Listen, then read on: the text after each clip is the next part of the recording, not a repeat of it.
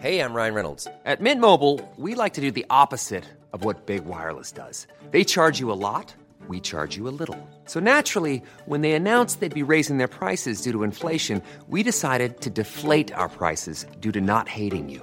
That's right. We're cutting the price of Mint Unlimited from $30 a month to just $15 a month. Give it a try at mintmobile.com slash switch. $45 upfront for three months plus taxes and fees. Promo rate for new customers for limited time. Unlimited more than 40 gigabytes per month. Slows. Full terms at mintmobile.com. When you're ready to pop the question, the last thing you want to do is second guess the ring. At Bluenile.com, you can design a one of a kind ring with the ease and convenience of shopping online. Choose your diamond and setting. When you find the one, you'll get it delivered right to your door. Go to Bluenile.com and use promo code LISTEN to get $50 off your purchase of $500 or more. That's code LISTEN at Bluenile.com for $50 off your purchase. Bluenile.com code LISTEN. There's never been a faster or easier way to start your weight loss journey than with PlushCare. PlushCare accepts most insurance plans and gives you online access to board-certified physicians who can prescribe FDA-approved weight loss medications like Wigovi and Zepbound for those who qualify. Take charge of your health and speak with a board-certified physician about a weight loss plan that's right for you. Get started today at plushcare.com slash weight loss. That's plushcare.com slash weight loss. plushcare.com slash weight loss. Jag gillar ju den här termen flamingo fire, att man har en fot i ekonomisk frihet, men man kan också unna sig att jobba. Att det behöver inte vara antingen eller. Varmt välkommen till Rika Tillsammans-podden som handlar om allt som är roligt med privatekonomi och livet. Varje vecka delar vi med oss av vår livsresa, våra erfarenheter, framgångar och misstag så att du ska kunna göra din ekonomi, ditt sparande och ditt liv lite rikare. Vi som driver denna podden heter Caroline och Jan Bolmesson.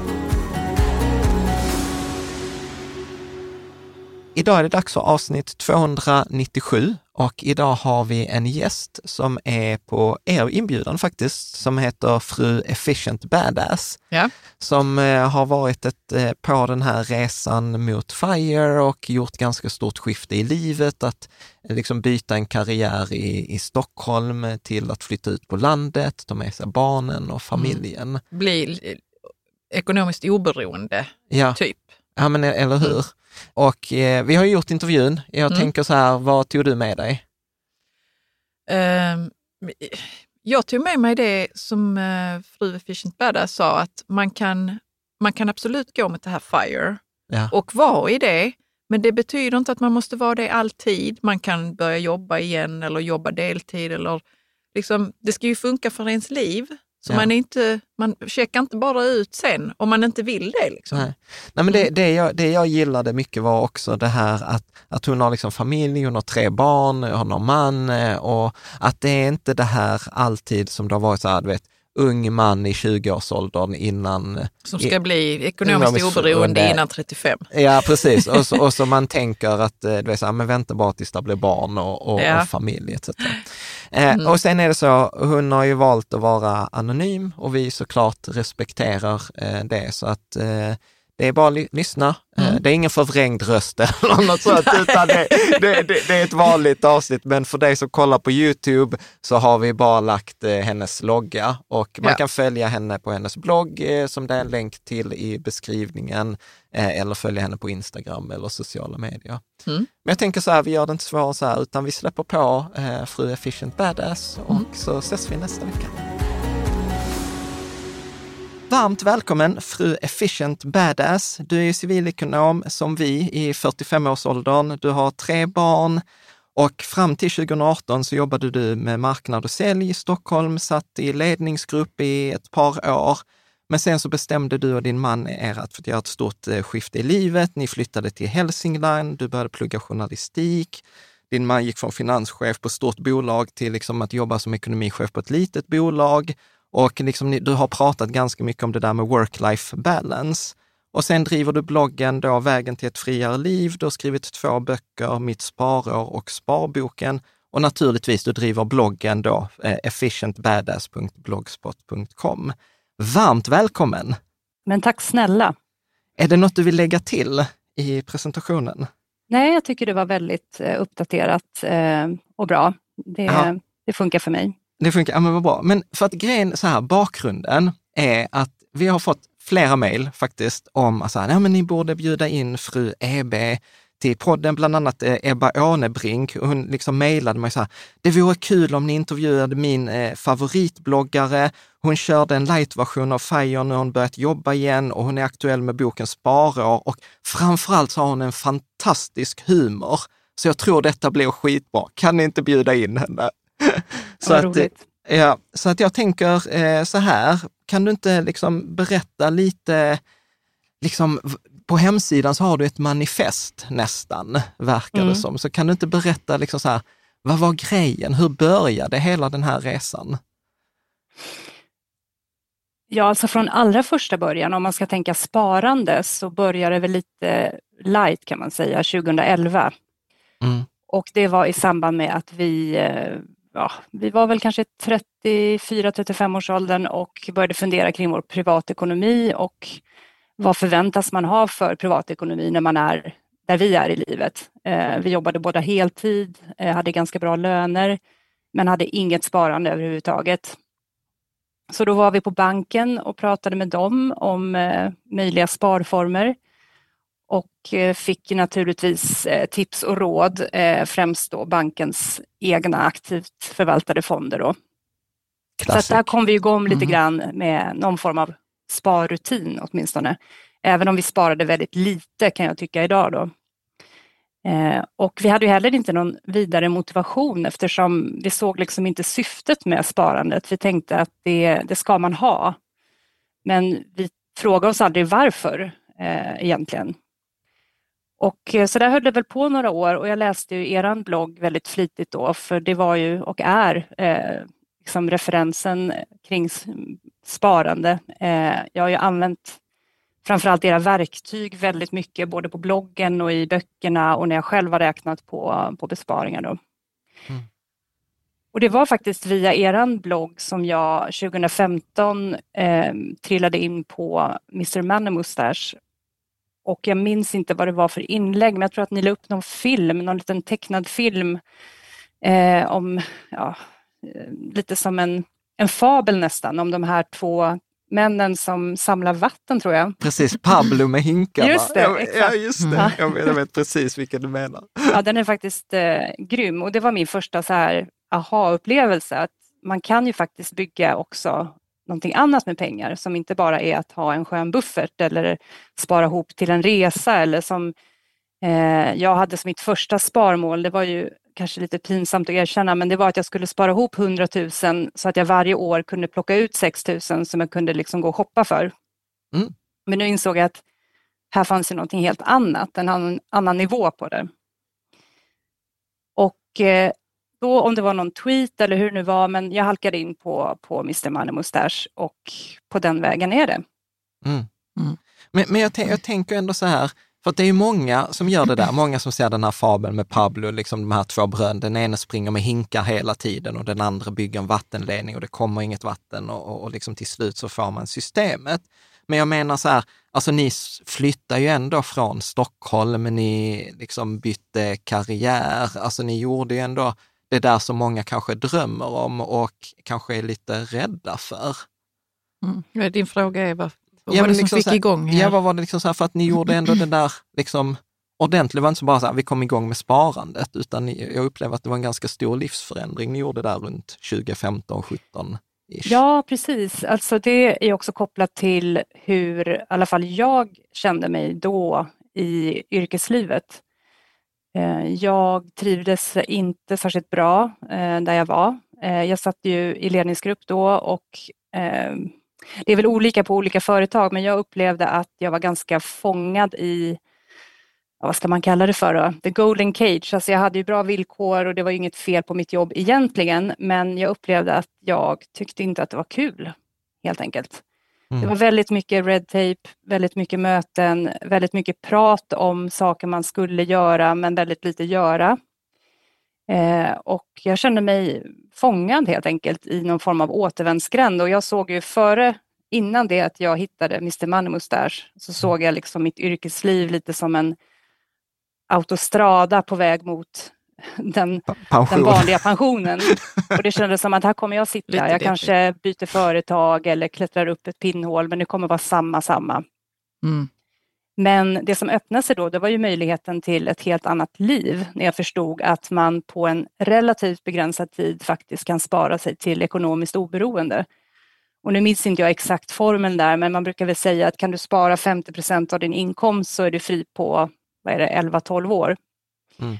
Och när jag fick kon på den och insåg att men det innebär ju att jag inte alls behöver vara fångad i det här, då kan jag ju utveckla andra delar av mitt liv. Och, eh, jag visste väl då kanske inte exakt hur det här skulle se ut. Och eh, vi fortsatte ju att jobba i Stockholm med våra dåvarande jobb i, eh, vad blir det, fyra och ett halvt, fem år till efter det att jag upptäckte FIRE.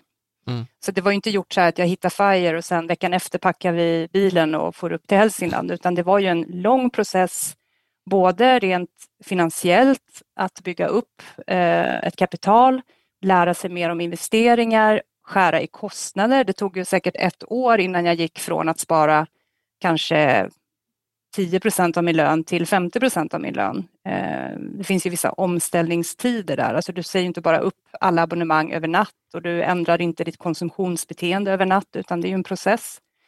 Så att, och mentalt ska jag säga, både för mig och för min man att liksom rycka plåstret eller lämna sargen eller vad man ska säga. Det var, det var ju att gå för någonting som var ändå tryggt, om än tråkigt, till någonting som var helt nytt och outforskat. Mm. Och det, ja, mm. och det är det som jag tycker som jag upplever så himla modigt. För att det är liksom så här, må, många pratar om det, men liksom många, många känner sig kallade för, för att göra det. Ja, men, för, men det är precis som du säger att det är en lång process, men då måste man ändå ha bestämt sig. Så här, men nu gör vi det här och du fick ju det med din man ju. Ja. Gör vi det här och sen så får man liksom ta processen. Alltså jag, jag, jag fattar att den tar tid. Ja. För mig är det inte Men nu får jag fråga en så här personlig fråga, och detta är, du vet, så här, alla frågor kommer ju alltid från en själv. Liksom, så här. Någonting som jag, Karo, eller som jag ofta använder som ursäkt, är ju barnen. Liksom så här, nej men vi kan inte göra detta nu för barnen. Alltså du vet, nu går de i skolan och liksom så här, ja men vi gör detta sen, när barnen växer upp eller när barnen har flyttat hemifrån. Då, då börjar vårt liv liksom. Hur, hur, hur resonerade du och din man kring, mm. kring det där? Exakt så faktiskt. Eh, till en, alltså innan vi kom in på FIRE så hade vi pratat om att en dag vore det ju fantastiskt kul att flytta upp till vårt landställe och leva med årstiderna och så vidare. Men på något sätt, vi kom aldrig på tanken att vi kunde göra det här medan barnen bodde hemma. Det var mm. liksom viktigt för oss. Alltså det var som att det var bara underförstått att nej men barnen måste ju gå i skola i Stockholm och de måste ju få leva klart här. Och sen började vi prata med barnen och, eller framförallt var det barnen som varje gång vi lämnade landstället då, för vi har jag alltid varit här på somrar och jullov och sådär. Mm. Och då var de kanske, äldsta var väl 14, yngsta 8, någonting sånt där. Och då sa de så här, men varför måste vi åka hem för? Kan vi inte stanna? Och då sa vi, men herregud, kan vi inte höra med dem liksom, om de vill göra det här med oss nu istället för att vi ska vänta tills vi är empty nesters och sitter där och, och liksom flyttar upp själva. Så det blev lite som en, en diskussion. Vi, jag minns inte exakt hur det började, men vi lanserade väl tanken för barnen vid något tillfälle och sen eh, spann vi vidare på det och alla var öppna för det. Vilket vi inte hade väntat oss, för man tänker liksom med kompisar och så, men, men de var med på tåget helt enkelt. Och hade de inte varit det, då hade vi kanske inte suttit här idag. Men någonstans tänker jag också att det är ett föräldrabeslut var du ska bo, eh, vår bedömning kring kommer de att trivas här och så vidare. Så att, eh, hade det varit lite så här, två tycker ja, en tycker nej, ja då hade vi kanske försökt eh, övertala den tredje, men nu var faktiskt alla med på det. Ja. det var... och sen, sen, sen, du vet, om jag ska liksom så argumentera med mig själv så är det så här, barn är ju sjukt anpassningsbara. Alltså så här, är man diplomat eller man jobbar, behöver resa i tjänst, alltså så här, det är ju inte ovanligt att barn flyttar och de brukar klara sig. Så att det, jag tror att många gånger är de, liksom, det är de egna mentala hindren som man målar upp som är mycket, mycket, mycket större. Men får jag passa på att fråga så här, hur är, kan, om du skulle beskriva livet idag? Hur, hur, hur, ser det, hur ser det, blev det som ni hade tänkt? Eller hur, liksom, beskriv för, för någon som, som är utomstående. Ja, så livet idag är ju, eftersom jag har börjat jobba då sedan eh, fyra månader, alltså ett vanligt heltidsjobb, eh, så är det ju, jag ska inte säga att det är likt som det var innan, för det är en helt annan kontext. Vi bor i en liten stad, det är inte alls lika stressigt, jag har ett helt annat typ av jobb. Eh, men det är en ganska rutinmässig vardag. Både jag och min man jobbar, barnen går i skolan. Eh, när vi precis flyttade upp, då var det först ett långt sommarlov där vi var liksom som kalvar på grönbete. Vi tyckte det var helt fantastiskt. Så här, här är vårt nya liv och vi skaffade höns och vi skulle odla och bli självförsörjande. Och, vi hade många idéer om vad det innebar att bo på landet. Ja. Som inte kanske, ja, idag har vi varken höns eller odlingar för att eh, det har liksom blivit en vardag här uppe också. Eh, ja, vad ska jag säga, vi lever ett ganska vanligt eh, Svenssonliv skulle mm. jag uttrycka det som. Men, men är det för att du upplever att du, du hade en annan, annan bild av det eller liksom, alltså så här, är det i linje med det du vill? Eller alltså förstår du, för att någon skulle kunna säga, någon som är så här, det är vissa folk som är kritiska till FIRE-rörelsen, så är så här, ja men titta, hon skulle nå FIRE, gjorde det och sen är hon tillbaka och jobbar. Nu vill hon jobba igen. Nu vill hon jobba igen. Eller whatever. Mm. Liksom. Va, va, hur, hur tänker du? Ja, alltså för det första så har jag varit ganska noga med att eh, poängtera på bloggen att jag är inte 100% FIRE. Eh, jag har ett rejält kapital som stöttar mig och på något sätt eh, täcker de absolut nödvändigaste kostnaderna.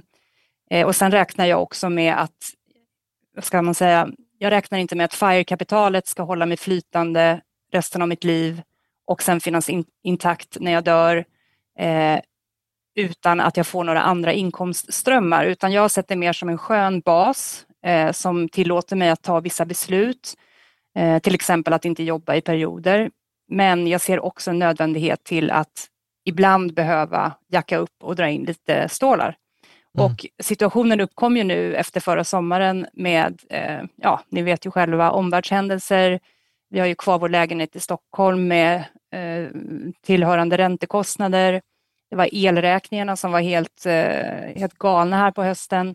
Ja, vi betalade det... 18 000 i december, ja. så att we know. ja, ja, precis.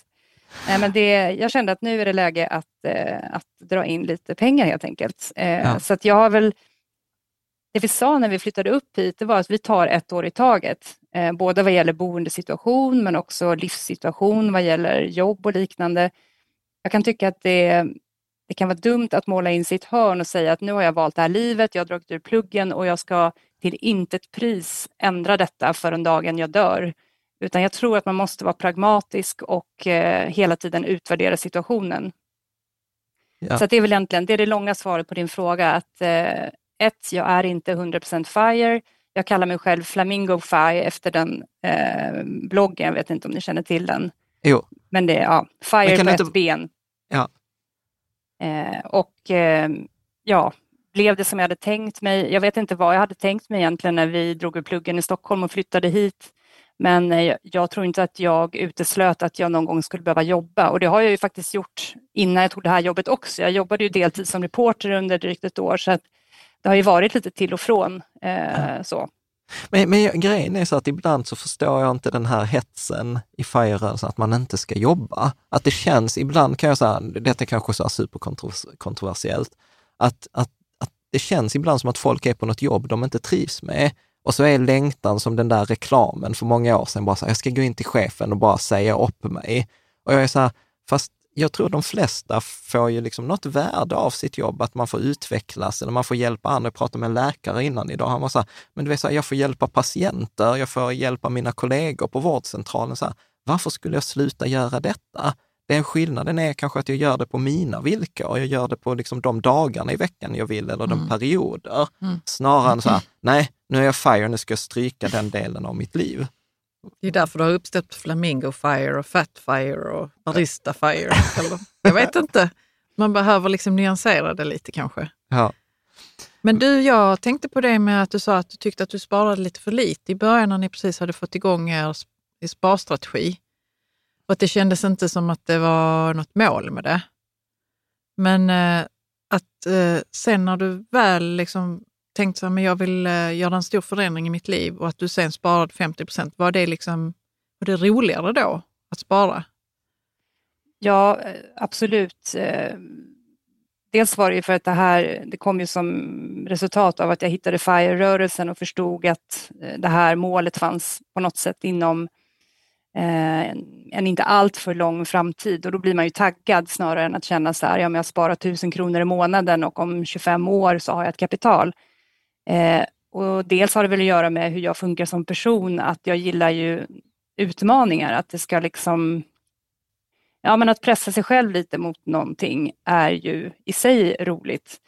Mm. Eh, så att eh, det blev en helt annan grej. Det blev ju som gamifying av hela sparandet. Och mm. det var som att det, jag vände på pyramiden på något sätt. Från att känna så här att jag tyckte lite synd om mig själv för det här sparandet jag höll på med. Och jag fuskade mot mig själv också minns jag, att jag skyfflade runt pengar mellan konton liksom för att dölja vissa utgifter och sådär. Alltså helt eh, galna grejer. Men eh, då blev jag på något sätt ärlig med mig själv och verkligen satte siffrorna på pränt. Och var, var ligger den stora utgiftsmassan? Eh, var ska jag lägga in de första stötarna? Och jag blev seriös med sparandet på ett annat sätt. Ja. Och då var det ju plötsligt väldigt enkelt och när man kan hela tiden se sparad peng mot framtida frihet så blir ju ekvationen ganska enkel. Då är man beredd att kompromissa ganska mycket så saker som jag tidigare hade sagt att nej, men det här är heligt, det här kan jag inte stryka. Och så började jag tänka, men herregud, de här pengarna in i en indexfond, då körde jag er sparsnurra där eh, på tio år, det blir det här. Det betyder att jag kan dra ur pluggen så här lång tid eh, tidigare. Så att det blev en enorm drivkraft och motivator. Eh, så att det, jag blev ju nästan som besatt, ska jag säga, i början. Att jag Eh, jag kunde inte tänka på annat. Jag satt med mina Excel-snurror och, och höll på. Så att, nej, men det var, hela, det var hela skillnaden, alltså när jag fick mm. det mindsetet jämfört ja. med tidigare som mm. var så här, gneta lite, försöka spara ihop lite och nu, jag var all in. Ja. ja, och det är jättekul när man är en sån som vill utmana sig själv. Ja. Jag tänker, vad var det du, som var heligt för dig, som du sen ändå bara kastade? Ja, men allt. liksom vadå, ansiktsbehandling, men det herregud, det har jag gjort här nu tio år och gå och klippa sig hos frisör. Nej men herregud, jag kan inte liksom klippa mitt eget hår. Eh, alltså det var massa heliga kor och eh, hur ska vi ha tid att jobba när liksom, vi inte har hemfrid? Alltså, jag hade ju ursäkter för varenda budgetpost egentligen. Så det enda som blev sparat, det var ju lite sån här slentriankonsumtion, alltså att jag kanske undvek att gå ut i, i butiker den 26 varje månad och så. Och det är i och för sig bra, det är ett, ett första steg och bra liksom, mental mm. inställning, men det är ju långt ifrån tillräckligt om du försöker att eh, spara 50 procent av din nettoinkomst. Ja, absolut. Hur, hur, tog, hur tog omgivningen det? Så här, familj och vänner? Ja, alltså det är ju lite olika. För det första så pratade vi nog inte så mycket om det alltså på jobbet och så där har jag aldrig pratat om det. Eh, nära vänner i början då eftersom jag var så nyfrälst och ville liksom få med Frälsa, alla på tåget. Alla. Ja, jag ville rädda alla. Så jag pratade med mina närmsta vänner i alla fall och eh, jag tycker nog att de flesta mottog det hela med en viss skepsis. eh, och de förstod inte grejen, lite som du var inne på Jan, det här varför ska man inte jobba? Och jag köper det resonemanget, men jag tror inte att alla mina vänner älskar sina jobb om man säger så. Men, men det var också provocerande tror jag för vissa att jag ens eh, försökte, för man tyckte väl själv utifrån sin egen livssituation att man inte skulle klara av det, så varför skulle jag klara av det? Och de vännerna lyssnade ju inte på min, mina råd, om man säger. Men jag har ju ett par som har inspirerats eh, rätt mycket. Sen tror inte jag att de har ambitionen att sluta jobba, men de har ju gjort en sparresa och omläggning av sin livsstil och har ju ett helt annat privatekonomiskt läge idag då än innan ja. jag hittade FIRE. Ja men precis, för grejen är att det blir ju ofta så att det ifrågas, när någon i ens omgivning gör det där, så blir det att man börjar ifrågasätta alla sina egna val. Och så blir det ju jättejobbigt för så här, kan du, då borde jag ju också kunna. Så då är det bättre att du inte kan, för då behöver inte jag heller kunna. Ja, men någonting åt det hållet. Jag vet inte, jag har liksom inte... Jag märkte också eftersom vissa blev lite provocerade, jag har inte pratat så mycket om det efter det. Ja. Men jag tror också att viss, alltså många blev nog ganska förvånade när jag faktiskt, när vi gjorde slag i saken. Jag slutade ju jobba lite tidigare än min man och ja, jag tror inte att, jag tror att eh, folk tänkte att jag, jag pratar om det här och har ambitionen till det här, men när det sen verkligen hände så tror jag att en del blev eh, lite förvånade. Ja. Ja. ja, men gud vad roligt. Jag tänker så här, eh, vi, har, en fråga från Bonus Paterfam, alltså folks användarnamn här på Instagram. Men så här, ha, vad upplever du att det har varit några så här uppoffringar liksom, med det här som inte har varit värt? Eller, liksom? Nej, det tycker jag väl egentligen inte. Eh, möjligen kan jag ångra att vi inte har rest så mycket med barnen. Eh, och vi hade ju eh, ambitionen att när de blev lite större, för det har varit ganska jobbigt att resa med våra barn. Eh, vi har ju tre stycken och de har inte alltid varit sams på resor och så. Och, eh, det vi bestämde när vi började spara på riktigt då efter 2015, det var att vi ströp till exempel eh, charterresor och sådana resor som kanske inte eh, gav minnen för livet om man säger så, utan vi mm. tänkte så här, vi sparar hellre ihop lite grann så att vi kan göra någon riktigt häftig resa, alltså åka till Japan eller ja, men någonting annat. Mm. Och när vi väl då hade det kapitalet, då kom ju corona och eh, sen Ukraina Mm. Så att den här bucketlisten på eh, coola resmål, den ligger där fortfarande och nu flyttar ju vårt äldsta barn hemifrån till hösten. Så det kan jag känna lite sådär, inte panik, men jag kan känna att det var tråkigt att det inte blev. Mm. Samtidigt så, så har barnen lovat att de kan tänka sig resa med oss även efter att de flyttar hemifrån. Mm. Precis, man är så här, du vi bjuder på en resa till Japan. Bara, ja. Mm, mamma, jag får se om jag pallar hänga med. Bara. Men du, jag, jag tänker en, en, en fråga eh, här också så här från Andin Vass. Han skriver så här, men är det inte tråkigt att hela tiden jaga billiga prylar istället för att köpa det man verkligen vill ha? Fast jag tycker inte att det är de två valen man har. Ehm, jag tycker Vad glad att... jag är att du säger det. Förlåt, jag ja. hoppades att du skulle säga det. Fortsätt. Jag tycker nästan tvärtom faktiskt, därför att jag har ju fortfarande en del dyra vanor. Ehm, jag behöver kanske inte gå in i detalj på dem, men eh, det är saker som jag prioriterar. Däremot har jag ju bortprioriterat allt sånt här som kanske för bara slentrianköptes för att jag inte orkade tänka efter eller för att jag hade ett konsumtionsbeteende som, som var på det viset, som att köpa mycket nya kläder till exempel. Det gör jag nästan aldrig. Men jag fyndar däremot när jag behöver någonting, vilket är väldigt sällan, för jag gillar också minimalism och har liksom det här med capsule wardrobes och sådana saker. Då köper jag det begagnat på olika sajter eller i fysiska second hand-butiker. Och när jag då väl hittar någonting som motsvarar mina förväntningar eh, och jag vet att jag ändå lägger kanske 25 procent av nypris, den kicken eh, är ju större än att förr klicka hem någonting nytt eh, till fyra gånger priset. Så att, eh, jag, jag, tycker inte att det där är, ehm, det är inte antingen eller på det viset. Mm. Precis. Nej, men jag, jag, jag resonerar precis likadant som du där. Eh, en fråga från Robert Lindström här. Är det något som du önskar att du hade vetat eller gjort i början på den här resan? Alltså så här nu när du tittar tillbaka, någonting så här. Men...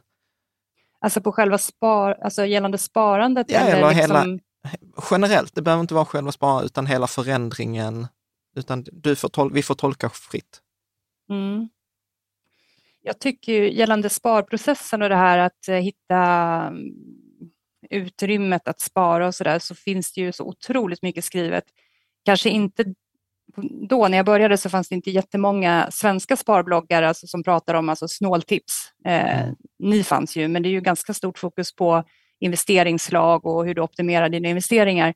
Men just det här att, eh, att yxa loss pengarna, för där ligger ju fokuset på min blogg. Att jag menar, gäller det investeringar då finns det hundra andra bloggar som, mm. som kan råda bättre. Men för mig var ju klon att hitta sparutrymmet.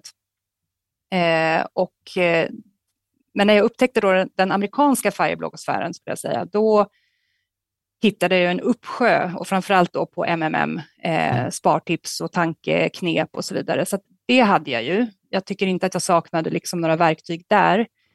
Eh, nej, men det jag tänker däremot, nu gäller det kanske inte mig så mycket, men jag tror att en del eh, som drar ur pluggen och, och, tänker att de ska förverkliga sig själva och leva på landet och så där, kan nog uppleva att det blir ett väldigt plötsligt brott mellan status A och B. För mig blev det inte riktigt så i och med att jag eh, var ju ledig i ett år innan vi flyttade upp till, till vårt landställe och min man jobbade fortfarande, barnen gick i skolan.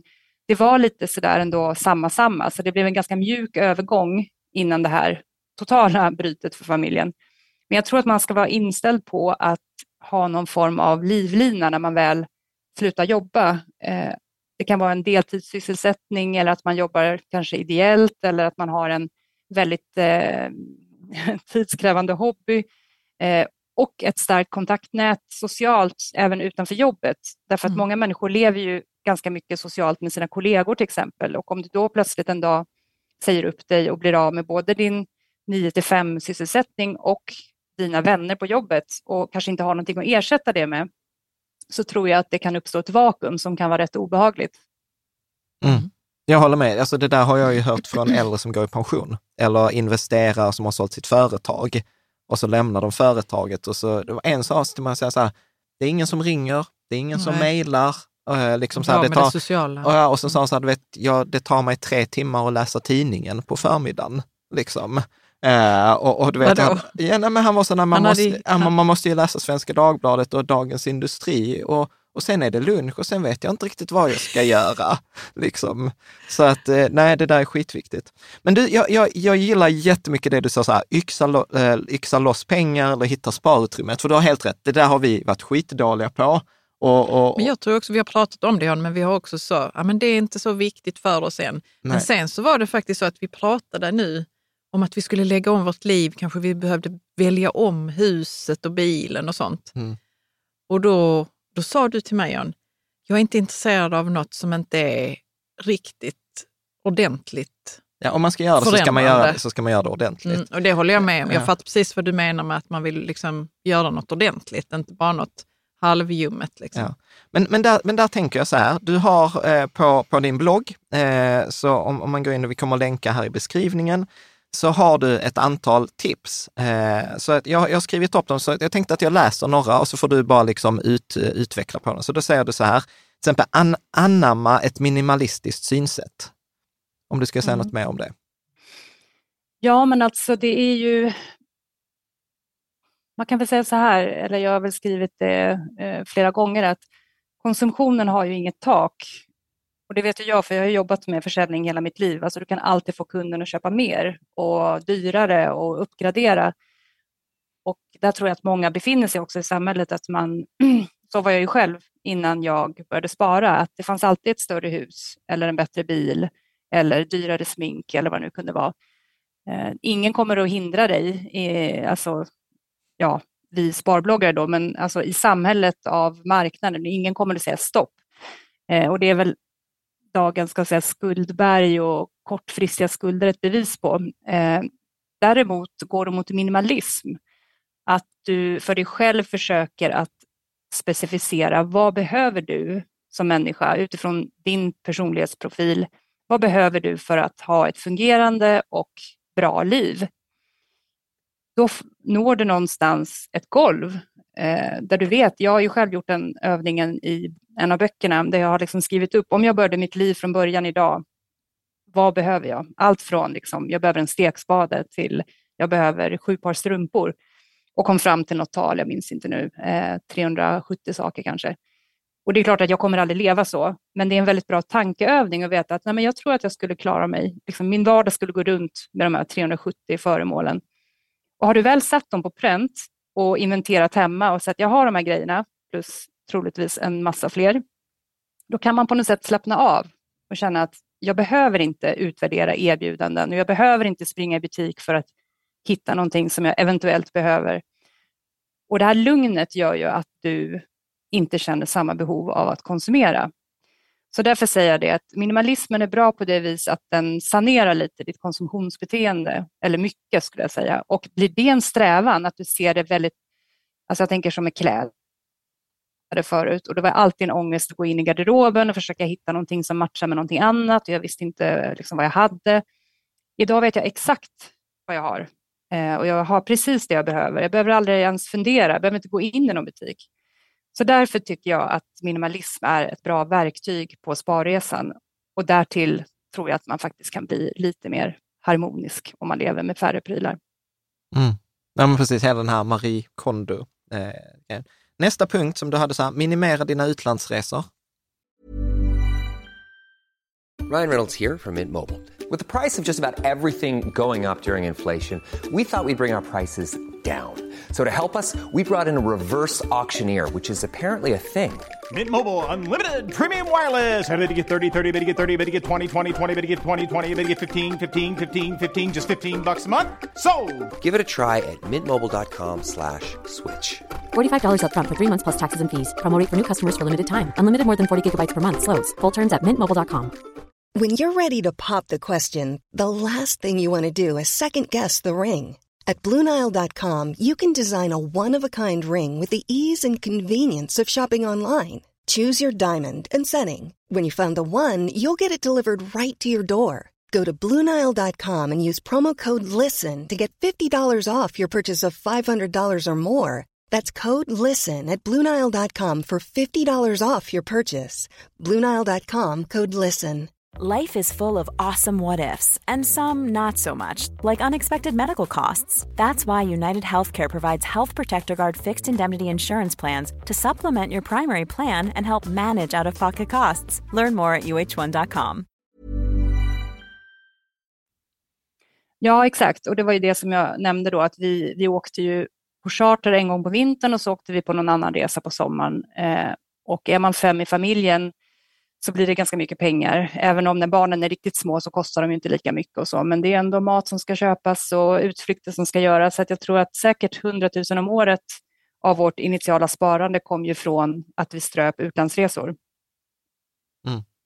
Ja, precis. Jag, jag är också så här, du vet, så här förvånad. Du vet, folk ibland säger, ja men vi åker skidresor. Och så här, alltså så här, två barn, pjäx, eller så här, skidhyra, utrustning, mat, så här, fan, det går ju på 50 000. Alltså, eh. Ja, och särskilt om du ska liksom till Alperna eller liknande. Det, alltså det, det kan alltså det går iväg. på 50 000 i år också, kan mm. jag berätta. Ja. I alla fall om man bor i Malmö och ska ta sig dit. Ja. Liksom. Uh. Nej, men det är inte sagt. Jag bara säga om resor. Vi har ju rest, eh, men vi har gjort på ett annat sätt. Då. Att vi har åkt kanske en vuxen och ett barn på en weekend till Paris och så har vi bott billigt och så där. Så det har ju varit resor. Vi gjorde en jättehärlig resa för några år sedan. Jag hälsade på min blogggranne IGMR nere i Malmö och eh, då var vi ju eh, över till Köpenhamn. Vi åkte tåg från, från eh, Hälsingland ner till, till Köpenhamn. Så det, och bodde på ett jättefint vandrarhem och gjorde saker, massa roliga grejer som inte kostar några pengar. Så vi har ju rest, det är bara det att vi har inte gjort de här liksom, rutinmässiga två gånger om året paketresorna. Ja, mm. ja. Ja, men precis, som också är roligt, för där blir, jag vet inte om du, känner det, men där är ju också en så här förväntning. Du vet, så här, om alla gör det, du vet, så hör barnen det och så, för det, det pratar också om en kompis som har barn i Stockholm som går på liksom en fin skola där och det var så här, ja men alla åker till Maldiverna på novemberlovet och sen åker de till Alperna på liksom, eller eh, någon fransk skidort. Och då blir ju så här, barnen kommer och säger, men ska inte vi åka? Liksom. Mm. Och så blir det den där liksom, pre pressen, vilket blir helt sjukt. Jag hörde en grej. Eh, vi har, bodde ju på Östermalm i Stockholm och eh, vi erfar, erfor väl ungefär samma sak, att det var väldigt hög aktivitetsnivå. Eh, inte för att vi gjorde någon förändring. Det, det, är klart att det var ju bara något år där från det att vi började eh, spara tills vi... Ja, strunt samma. Men jag hörde om en församling där när, i närheten av oss som hade en speciell fond för eh, ensamstående mödrar som ville ta sina barn på en fin utlandssemester just för att det var ett sånt stigma i kvarteret att liksom inte kunna göra de här resorna. Mm. Det tyckte jag var rätt eh, fantastiskt. Ja, eh, lite galet. Men, ja, lite galet ändå. Nej, men, men, det, men, men det, är, precis, det är lite galet och det är, så här, det är lätt att man lite skrattar åt det. Men den, den intressanta frågan för vem som helst är så här, vilka är förväntningarna i min umgängeskrets mm. eller i min värld? Mm. För vi tror så här, grupptryck, alltså det pratar man om när, när, när man går i skolan, men bara mm, grupptryck funkar som vuxen också. Eh, liksom om alla i din omgivning sparar och är på väg mot FIRE, alltså då är du också på väg mot FIRE eller så lämnar du den gruppen. Mm. Alltså det, det, det är inte svårare så. Men jag tänker vi tar nästa. Om du bor i stad, gör dig av med bil. Ja, nu har vi ju två bilar. eh, nej men alltså, det gjorde vi då eh, och det beror ju också på att eh, det är så himla dyrt att ha bil i Stockholm och du får böter och det, ja, men det är bara mäckigt att hitta parkering och sådär. Så det var ju punkten då eftersom vi hade ju bra kommunikationer till våra jobb. Den där punkten är lite förmäten. Alltså, jag har den största respekt för folk som behöver bilen för att ta sig. Eh, men kan man, alltså jobbar du till exempel i en storstad och bor i en storstad eh, så tycker jag att man ska göra det, för det gör, rätt stor skillnad, eller gör väldigt stor skillnad. Jag minns inte vad vi landade på, men kanske 3 000 i månaden. Eh, jag hade ju tjänstebil så man får ju räkna förmånsvärdet då och jag tror minst 3 000 i månaden. Alltså det låter, det låter, kan jag säga, det låter billigt med 3 000 ja. kronor i månaden. kanske var någon försvarsmekanism. Det kanske var 1000 i månaden, jag vet ja, inte. Alltså, så här, vi hade ju ett avsnitt med så här, Skogstomte, en så här, bilexpert eh, i forumet. Du vet, han, han räknade ut det på kronan, så att vi, vi har väl konstaterat att vår Tesla kostar väl typ 10 000 i månaden. Mm. Och då kan man också säga, det var roligt första året, det är fortfarande roligt, vi trivs, men, men, men det ställer ju den här frågan, är det värt 10 000 i månaden att ha en Tesla mm. stående på uppfarten? Mm. Liksom. Um, sen hade du en lite rolig, eh, där du skrev så här, insourca allt. Mm. Vad betyder det?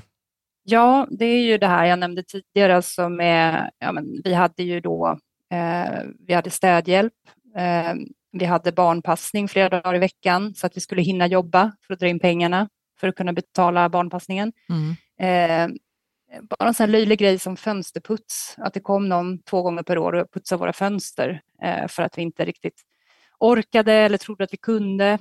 Ehm, jag, ehm, ja men som sagt, jag gick till frisören och klippte mig för helt galna pengar. Ja, men det är inte jättesvårt att färga sitt hår och lära sig klippa sitt hår, särskilt om man har liksom, ja, axellångt eh, icke-frisyrhår. Eh, jag började klippa barnen. Eh, allting finns ju på Youtube. Det är det som är så fantastiskt. Det finns ju instruktionsfilmer för i princip allting. Nu är jag väldigt dålig på så här hemmafix av typ en eh, laga tvättmaskiner och sånt där, men jag vet att det är väldigt många inom FIRE-communityn som, som är superduktiga på det. Och det finns ju hjälp att få på nätet. Så det, det är det jag tänker att man tar saken i egna händer helt enkelt, istället för att köpa lösningar. Mm. det är helt sjukt. Vi hade faktiskt idag, vi skrev om det på Instagram, vi fick hjälp av vårt eget forum att fixa vår diskmaskin. det är liksom så här. Och det roligaste är så här, att jag kände mig så där sjukt stolt efteråt också. Så här, vi behövde inte ta hit en servicetekniker som jag var på väg att boka igår kväll. Nej, för du bokade. Du, Nej, jag, boka... jag sa ju att det var pumpen. Ja, men, ja, och så var det det. Ja, men jag är så jävla dålig på, på sånt. Eh, liksom så här. Vi, vi, vi, vi, tar, vi, har, vi har några till och sen har vi ytterligare några liksom, läsarfrågor. Jag har också någon fråga. Ja, men shoot, ta din fråga nu då. Nej, men vi kan ta ja, dem ta först. Den. Jo, men jag jag har, jag har kollat på Instagram på din, eh, dina bilder där. Och eh, du, skrev, du sa också i någon intervju så att man måste göra sig av med, med vissa vanor som, som eh, dyra krämer till exempel. Och jag är ju en sån beauty junkie. Hur gör man? Ja, den är ju den är lite känslig. Eh, jag hade själv ganska svårt eh, att släppa tron på att de här krämerna faktiskt inte vara undergörande. Eh, jag tror att en nyckel är ju att läsa på. Eh, jag själv pratade med en person, en ja, hudläkare ska jag inte säga, men någon som kunde om sånt där och sa det att det är bara att vända på burkarna och kolla, jämför den här billiga krämen mot den dyra så ser du att det är 95 procent samma saker i. Mm. Eh, att liksom förstå att det är kommersiellt drivna företag eh, och förstå att det är i princip samma produkter, då kan man lite så släppa ångesten över att, eh, att göra sig av med de här dyra grejerna. Eh, sen är det saker som jag tycker att man, eller för min del, jag inte kompromissar bort, som till exempel eh, vissa sminkmärken, för jag tycker de är bättre, alltså rent eh, eh de täcker bättre, bättre färger och så vidare och, och, då prioriterar jag det. Men just med till exempel fuktkrämer så visar ju till exempel, jag ska inte nämna några varumärken, men det finns en, en serie på public service som heter Sanningen om hudvård i fyra avsnitt som jag verkligen mm. rekommenderar. Och där var det ju en billig kräm som vann eh, allas eh, prestationer. Så jag tror att läsa på och förstå hur den där branschen är uppbyggd och förstå att det är kommersiella bolag som inte primärt vill ditt allra bästa utan man vill tjäna pengar. Då är det lättare att släppa det beroendet. Men jag tänker också att det inte bara är ehm, alltså de här företagen som vill sälja, utan att det är som ett tryck liksom, på kvinnor, jag vet inte vad det är på män också, att man ska liksom se fräsch ut och man ska inte åldras och sådana saker. Så att jag, jag är väldigt medveten om vad jag har för någon hudvård hemma och hårvård. Ja, du har ju till exempel vägrat så här, färga håret. Ja, men det är annat också som spelar in. Som jag, jag känner ju att jag behöver göra upp med det där, att man åldras ju liksom. Det är bara så. Och, eh, ja, precis. Eh, men jag kan ju tycka att ett bra stash på banken är ju också bra mot åldrande. Ja, good point. ja, men det är skit, ja, ja nej, men jag tar med mig det. Alltså, jag kommer tänka mycket på det här. Tack eh, ja. input. Och gör som jag gjorde då, kör den här diffen mellan dina dyra krämer och de billiga krämerna i, i Jans sparsnurra där, eh, ränta på ränta över tid. Så blir du ytterligare motiverad. Mm. Ja. Jag tänker, du, du har ju många fler tips, så att vi länkar till det så behöver vi inte ta allihop, men du har liksom så här, eh, bli vegetarian, gör, eh, eh, ha med dig matförråd, säg upp all, alla abonnemang, kolla att du inte är överförsäkrad. Eh, sen hade du faktiskt en så här, skippa det klassiska sparknepen som är så här storhandla. Det är ju så här klassiskt. Ja, spännande. Man, kan du inte säga någonting om det, för det är ändå lite nyfiken. Ja, nu storhandlar ju vi faktiskt, eh, så att det återigen, jag är inte alltid helt eh, konsekvent i mina råd, men... Mm, men är inte det jätteskönt, att man bara är människa? Ja, absolut är det så. Eh, men jag tror att det är också skillnad om man lever i en familj som kräver en viss vardagsstruktur och logistik vi kan liksom inte gå och spontanhandla mitt i veckan och hoppas att vi hittar någonting på extra pris, utan vi måste, maten måste finnas där söndag kväll, för sen drar veckan igång. Eh, men om jag levde själv och inte hade liksom kniven mot strupen varje vardagskväll, då hade jag nog snarare jobbat på det sättet, alltså gått ut i butik, haft koll på kanske extrapriser och byggt någon form av meny efter det. Eh, så det är väl mer så att jag tänker att man börjar i den änden och ser vad finns på extrapris, vad är liksom säsongens eh, billiga grönsaker till exempel och sen så bygger man därifrån istället för att bara eh, nitiskt gå efter en lista och säga att jag måste ha exakt det här och det här och det här, för då har du inte den här priselasticiteten som du har om du kan liksom anpassa dig. Anpassning är väl på något sätt moden till sparande. Mm.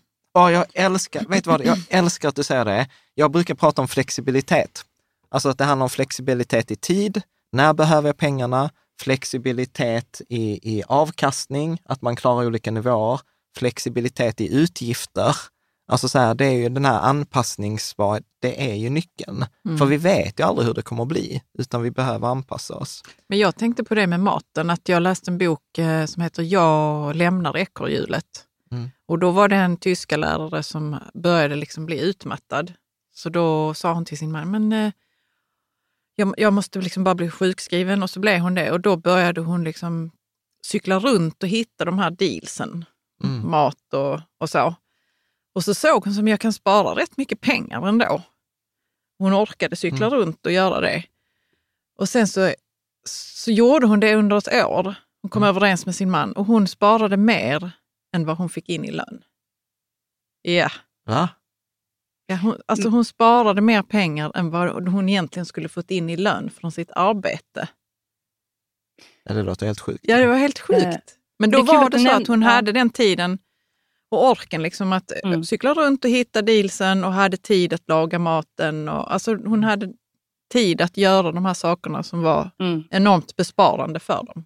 Det är roligt att du nämner den boken därför att jag, jag skrev lite om den på, på bloggen och sen så fick jag kontakt med författaren mm. Åsa Axelsson och eh, hon är ju faktiskt en av, jag skulle säga, inte när, alltså, vi träffas inte så ofta fysiskt men vi är vänner idag och eh, har kontakt i alla fall på mejlen eh, ja, någon, någon, gång i veckan eller varannan vecka sådär. Så att hon är en stor inspiration och det hon gjorde då också, det var inte bara att hon kunde cykla runt och handla, utan hon odlade ju ganska mycket själv och gör fortfarande. Men också allt det här småfixet, lite som du var inne på Jan, att kunna laga saker hemma. Hon började kurera liksom, sin och barnens garderober, lappa och laga, alltså allt sånt där som jag vet att hon också har fått mycket kritik för att hon någonstans gick in i någon 50-tals hemmafru-roll. Eh, sparar enormt mycket pengar Mm. Och det tänker man nog inte på. Alltså, generellt sett gör vi precis tvärtom, att vi, vi köper in de tjänsterna för att kunna jobba, för att ha råd och ha de här grejerna. Men hon vände ju på det och tänkte så här, vad kan jag göra själv? Och fick då den här kostnadsbesparingen som du nämner. Och det är ju, det är inte ett sätt som vi är vana att tänka idag. Mm.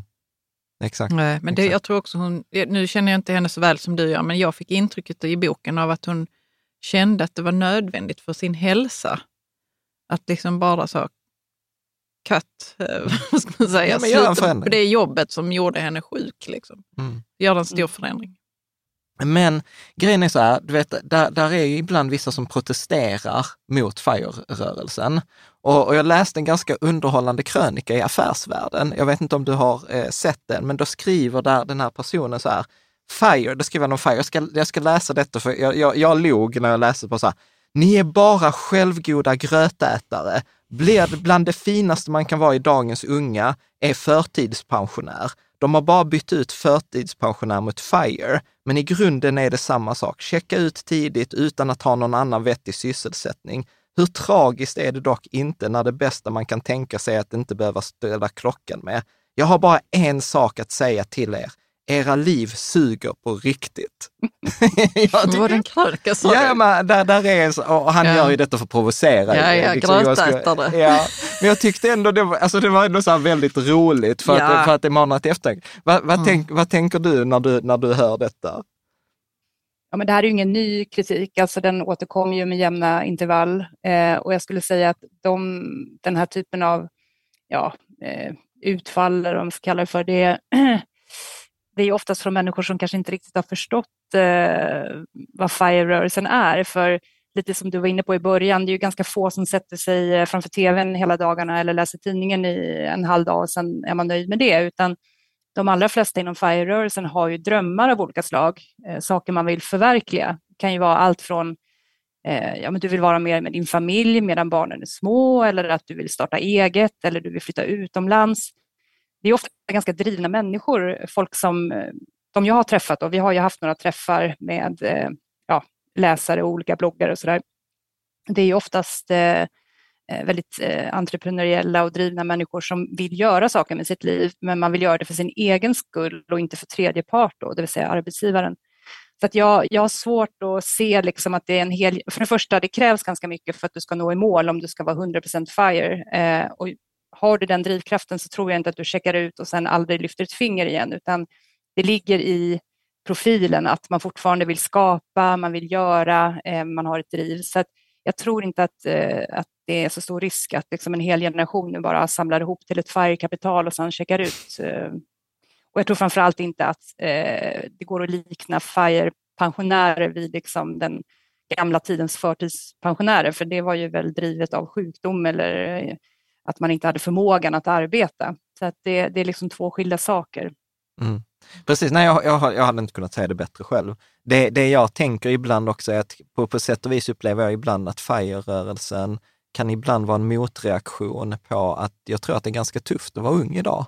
Alltså så här att det är liksom bostäder har varit dyra, det är svårt att få ett fast jobb, man har de här mm. gig-ekonomin som inte är välbetald och att, och att då, tänk, då blir det lätt att tänka, gud, alltså jag har jag sliter och jag får liksom inte så mycket för det. Tänk om jag bara hade pengar så att jag inte hade behövt ha de här problemen.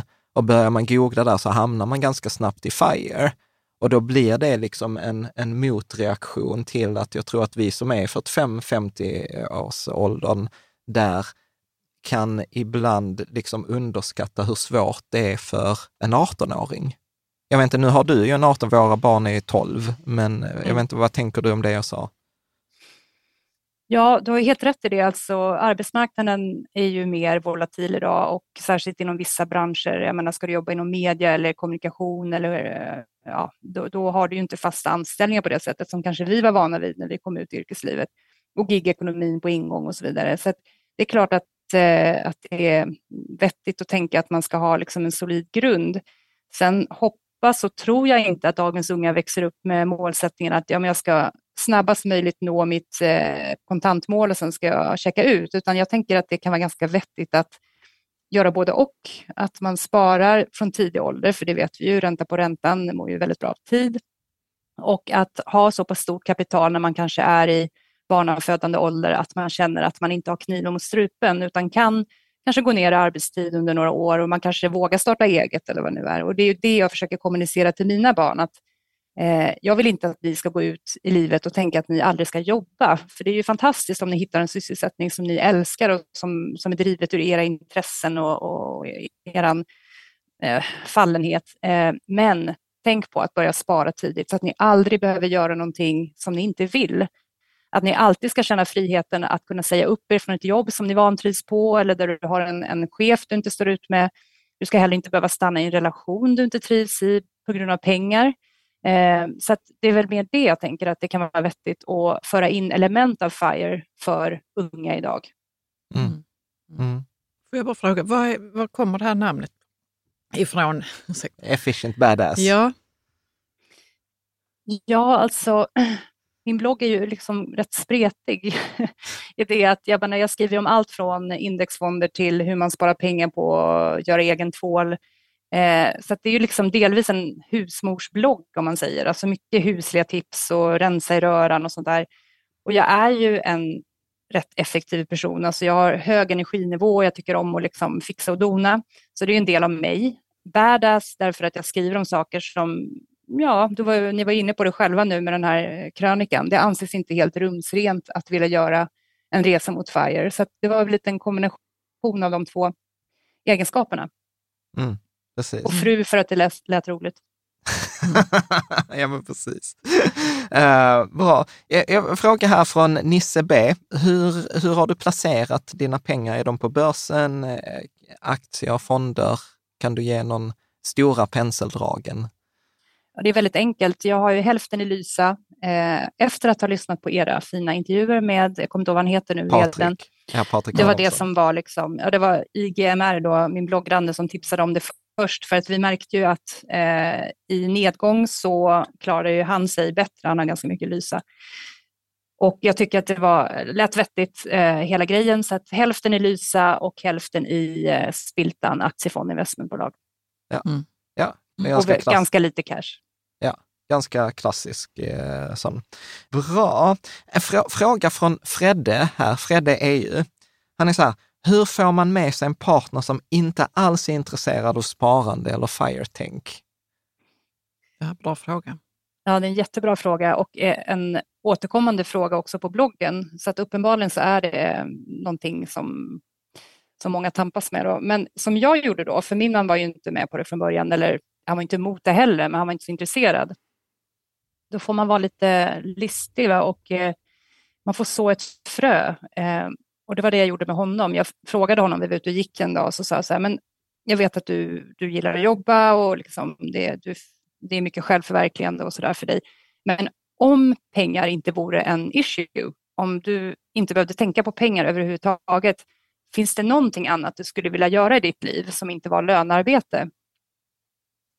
Och då eh, tog det väl en stund eller eh, om vi kanske pratade om det nästa dag och då sa han, ja men det skulle ju vara kul att, att hinna spela mer tennis, eh, kanske gå på något föredrag ibland och ja men då kom man på lite grejer och så här, kunna vara för sin familj, sina föräldrar till exempel när de blir äldre och känna att ja, men jag kan ta tjänstledigt under perioder om det skulle behövas.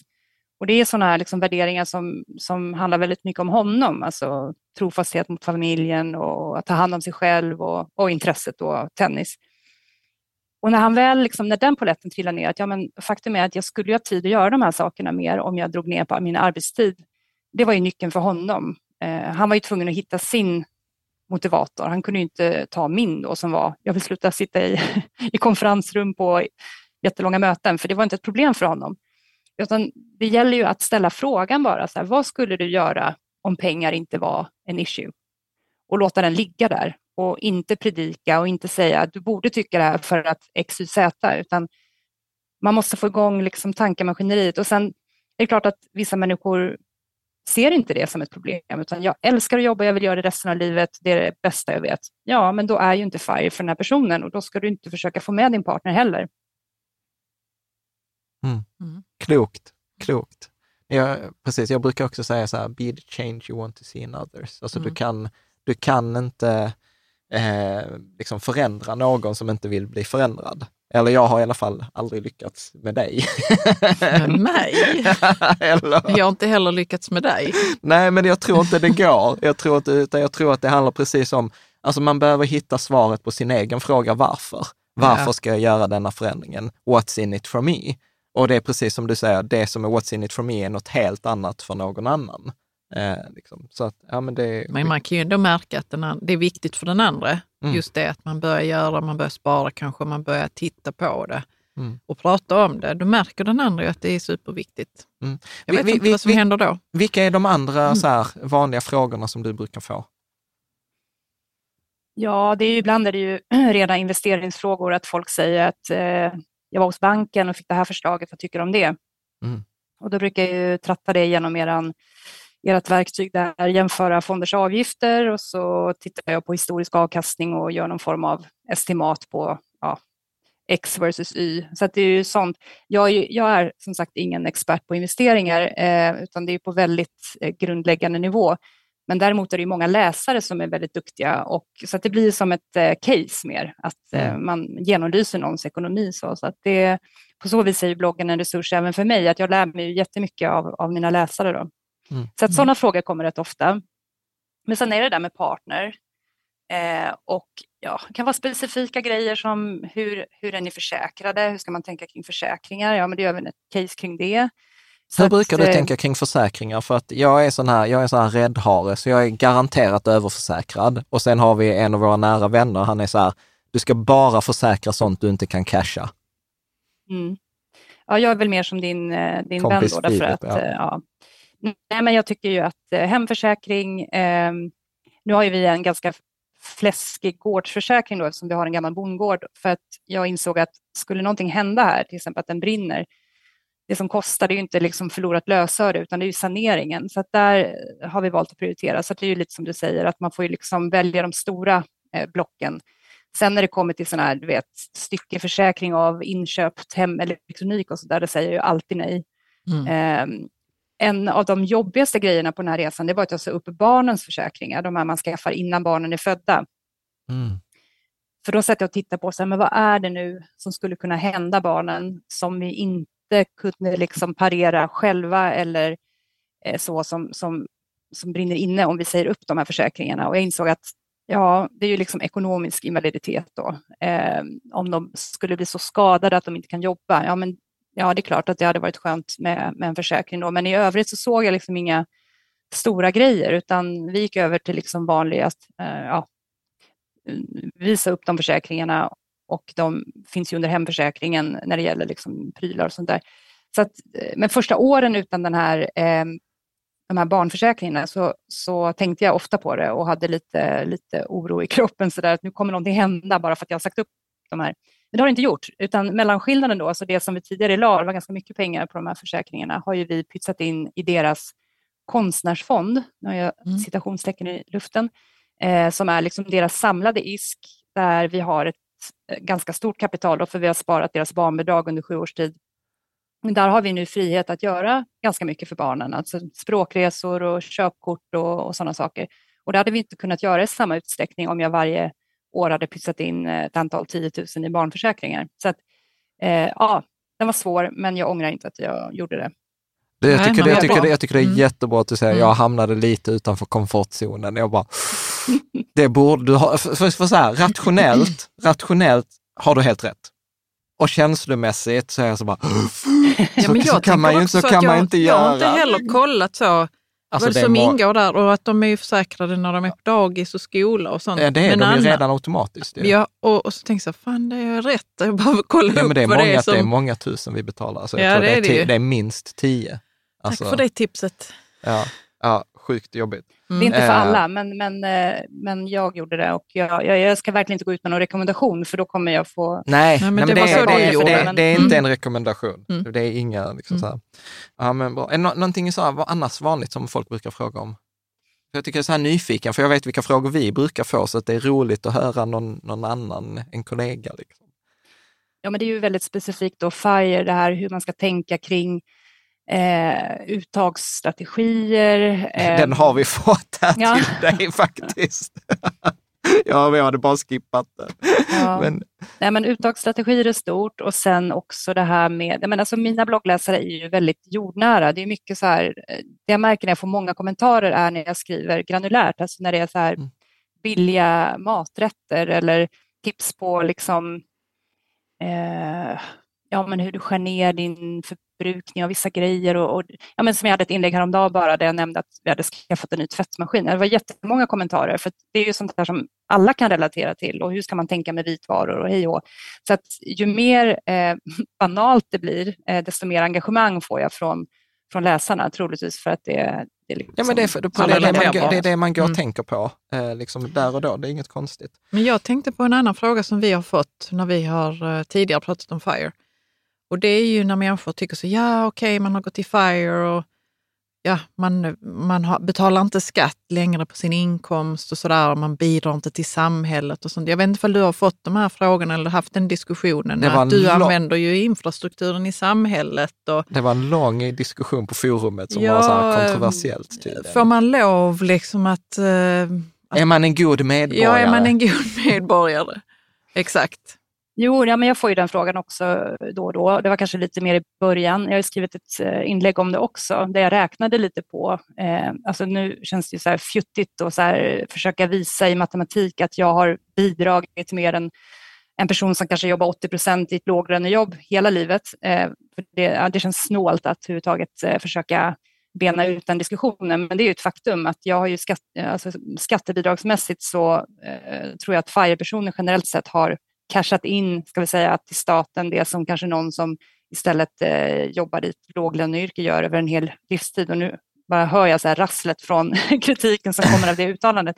Men så är det. Eh, sen kan man ju tycka att skatteflödet ska vara jämnt över tid. Eh, och då får man ju titta på andra skatter. Alltså, jag menar, du skattar på din ISK, eh, du skattar på konsumtion, eh, du skattar på din el. Alltså allting är ju beskattat.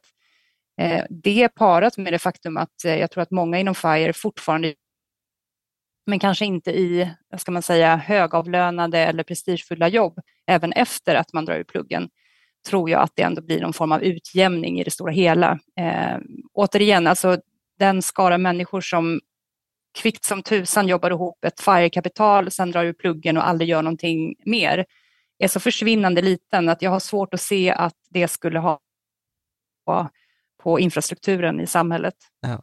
Ja, men så här, får jag fråga då, har du träffat någon sån? För jag har faktiskt aldrig träffat någon. Jag har träffat många som är FIRE som är ekonomiskt fria, men jag har aldrig träffat någon som har så här, nu har jag dratt ut pluggen och nu är jag på en sandstrand med och dricker paraplydrinkar resten av livet. Jag bara tar det lugnt. Mm. Nej, det tror jag inte att jag har faktiskt. Eh, jag, jag undrar om den, om den ens finns. Alltså för det är en stereotyp, mm. men jag tror inte den finns på riktigt. Nej, jag tänker efter nu om jag ens har hört om någon. Nu är det så att jag har inte jättemånga FIRE-personer i min omgivning. Det är ju liksom mm. blogggrannar och läsare och sådär som berättar att de har ja, men bra exempel. Jag träffade ju en, jag träffar ju ibland mina läsare, alltså vi tar en promenad och sådär när jag är i Stockholm och träffade en av dem för två veckor sedan.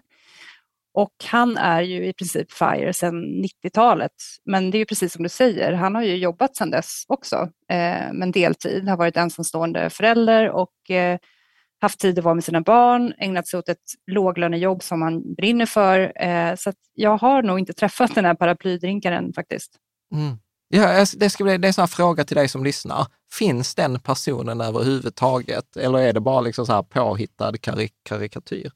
Du, jag tänker att vi ska börja runda av. Vilket, eh, eh vilket är det sämsta rådet du har hört i finansbranschen eller sämsta FIRE-rådet? Ja, det är två helt olika saker då. Eh, om ja, man börjar med finansbranschen så är väl att man ska handplocka enskilda aktier om man inte är väldigt bra på det man gör och har väldigt stora insikter, kanske större insikter än de som sitter i ledande positioner i bolaget.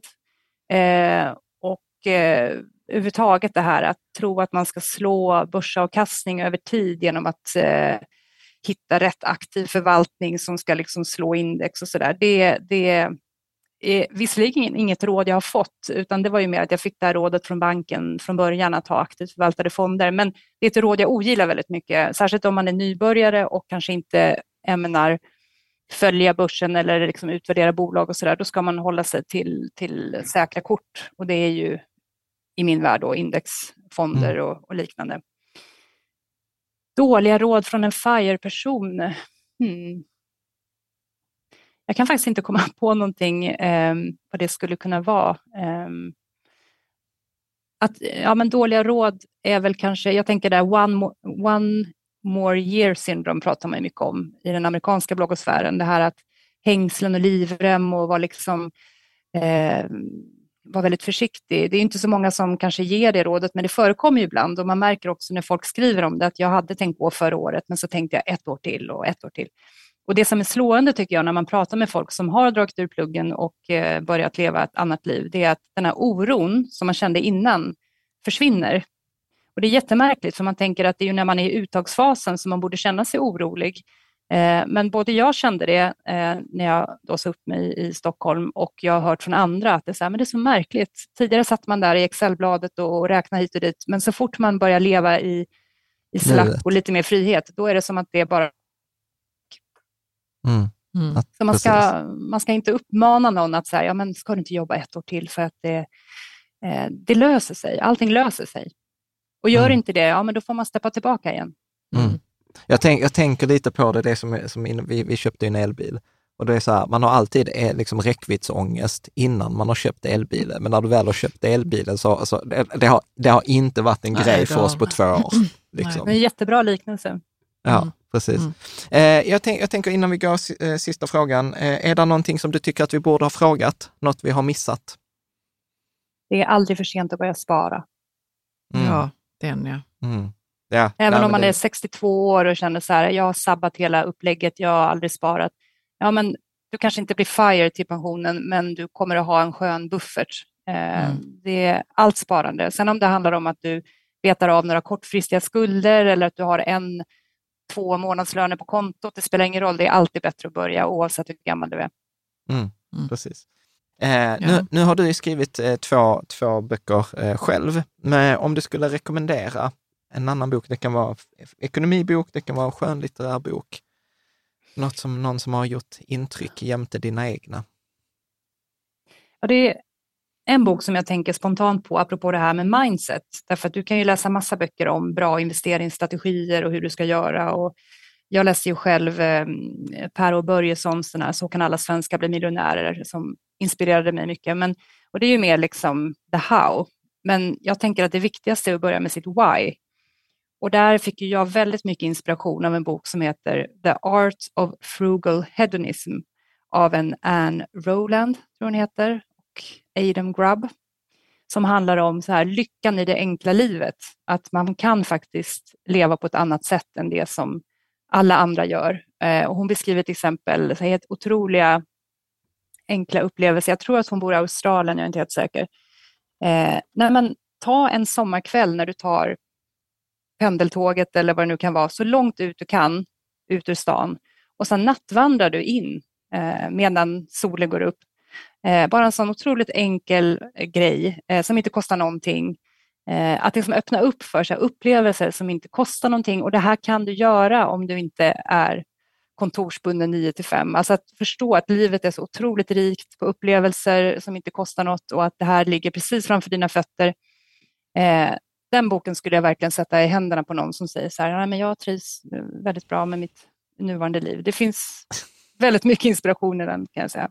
Ja, det var ett mm. fint exempel. Ja. Verkligen.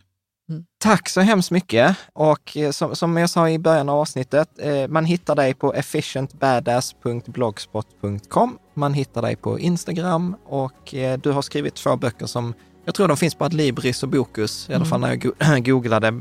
Och den heter då Mitt sparår och sen har du den andra boken som heter Sparboken, en konkret guide till ekonomiskt eh, oberoende.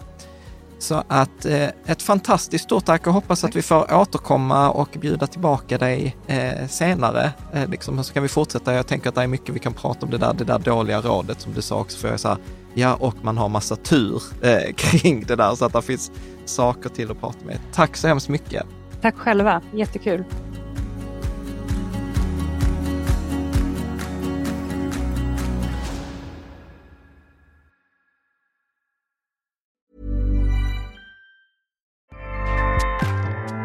ACAST powers the world's best podcasts. Here's a show that we recommend. The Real Housewives is a guilty pleasure for most, but if you're looking to not feel guilty about that pleasure, tune in to Everything Iconic with me, Danny Pellegrino, where I break down all the messy moments and behind the scenes antics of Bravo's popular franchise. And on Everything Iconic, I also interview celebrity guests like Kelly Ripa, Kiki Palmer, Drew Barrymore, Cameron Diaz, and more about their guilty pleasures, their past work, and so much more. So if you're pop culture obsessed and find yourself watching way too much reality TV like me, tune in to Everything Iconic with Danny Pellegrino wherever you listen to podcasts. ACAST helps creators launch, grow, and monetize their podcasts everywhere. ACAST.com.